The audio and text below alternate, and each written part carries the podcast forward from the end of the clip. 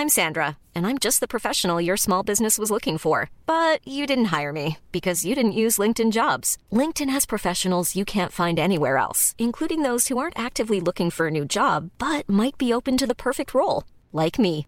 In a given month, over 70% of LinkedIn users don't visit other leading job sites. So if you're not looking on LinkedIn, you'll miss out on great candidates like Sandra. Start hiring professionals like a professional. Post your free job on linkedin.com/people today. Velkommen til aksjepraten på denne torsdag 11. august, der Oslo Børs eh, ser ut til å holde på mønsteret vi har sett hele denne uken. Opp den ene dagen og ned den andre. I dag er vi opp eh, rundt 1% nå på formiddagen etter et fall da på 0,5 i går. og Dermed er vi igjen i pluss for måneden, slik vi altså var også på tirsdag da børsen stengte. Vi begynner med noen av nøkkeltallene som, eller kvartalstallene som har kommet i dag. Kahoot er opp hele 14% til litt over 25 kroner. og Det er jo fortsatt av milevis milevis under den toppen vi så i 2021 på 137 kroner. Men det er verdt å merke seg at aksjen nå opp 25% den siste måneden, mot hovedindeksens oppgang på 6,4. Selskapet melder om en kraftig oppgang i fakturerbare inntekter inntekter. Eh, og Samtidig så ser vi jo da at resultat før skatt har gått fra pluss eh, drøye 5 til minus 1,2 millioner eh, dollar.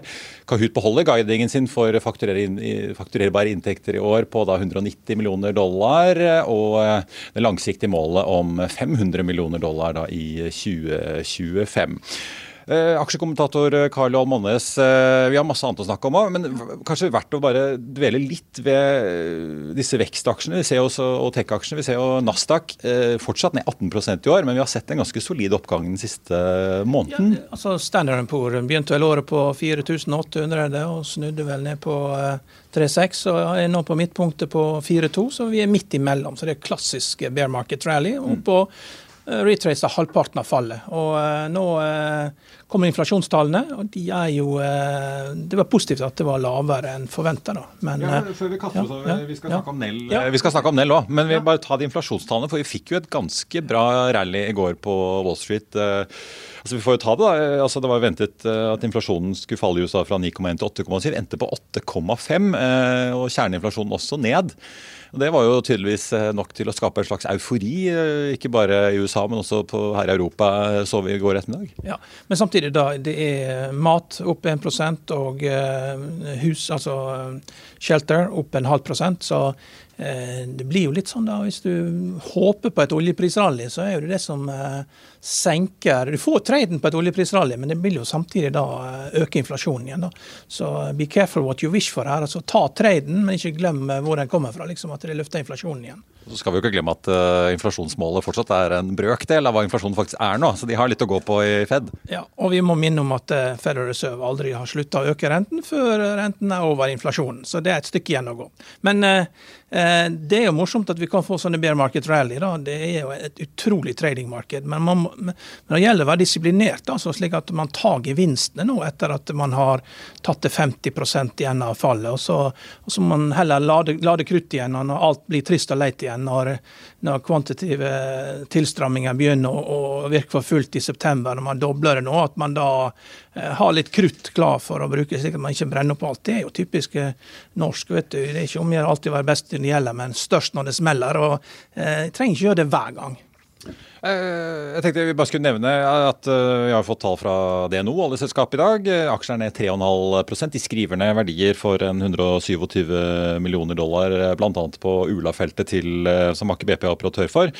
Samtidig øker de guidingen sin på tåkefeltet i Kurdistan, og jekker opp utbyttet litt fra 20 til 25 øre aksjen per kvartal. La oss eh, kaste oss over eh, den andre store aksjen som har kommet med tall i dag. Nell, eh, aksjen er ned 2,4 eh, og Det er jo ikke bare tall i dag, også nyheter på hva de har tenkt å gjøre på Herøya.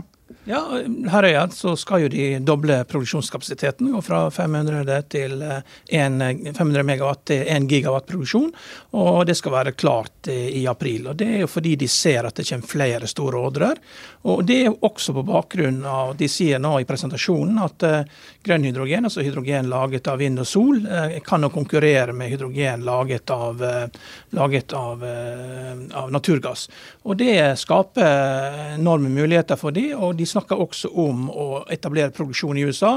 Volda, nei, Håkon Voldal, sønn av Olav Voldal, som var sjef i Kongsberg Automotive, eh, han eh, har jo eh, vært sjef for Tomra i USA, så han kan USA. Det er en stor fordel å ha bodd der borte og følt på, på, seg. Fordi norske selskap i utlandet generelt det går veldig dårlig når man prøver å etablere seg. og Da er det greit å ha en mann som eh, har vært der før, slik at man unngår å gjøre alle de store feilene.